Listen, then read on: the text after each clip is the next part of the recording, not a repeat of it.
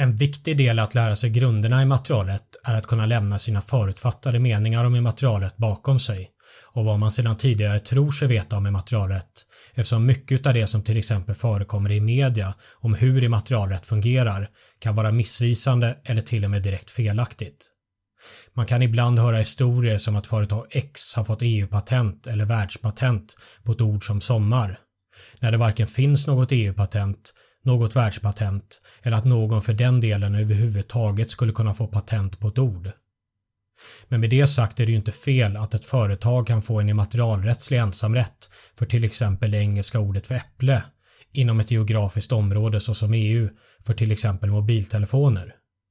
Men det är då varumärkesrätt som det handlar om och enbart det att man har en varumärkesrättslig ensamrätt behöver inte alls betyda att ensamrätten är så omfattande som vissa verkar tro. Men där det i vissa andra aspekter även kan vara tvärtom. Eller att en varumärkesrättslig ensamrätt skulle betyda samma ensamrätt som den som följer av ett patent, när de två avser skydd för helt olika aspekter eftersom avsikten med skydden är helt olika.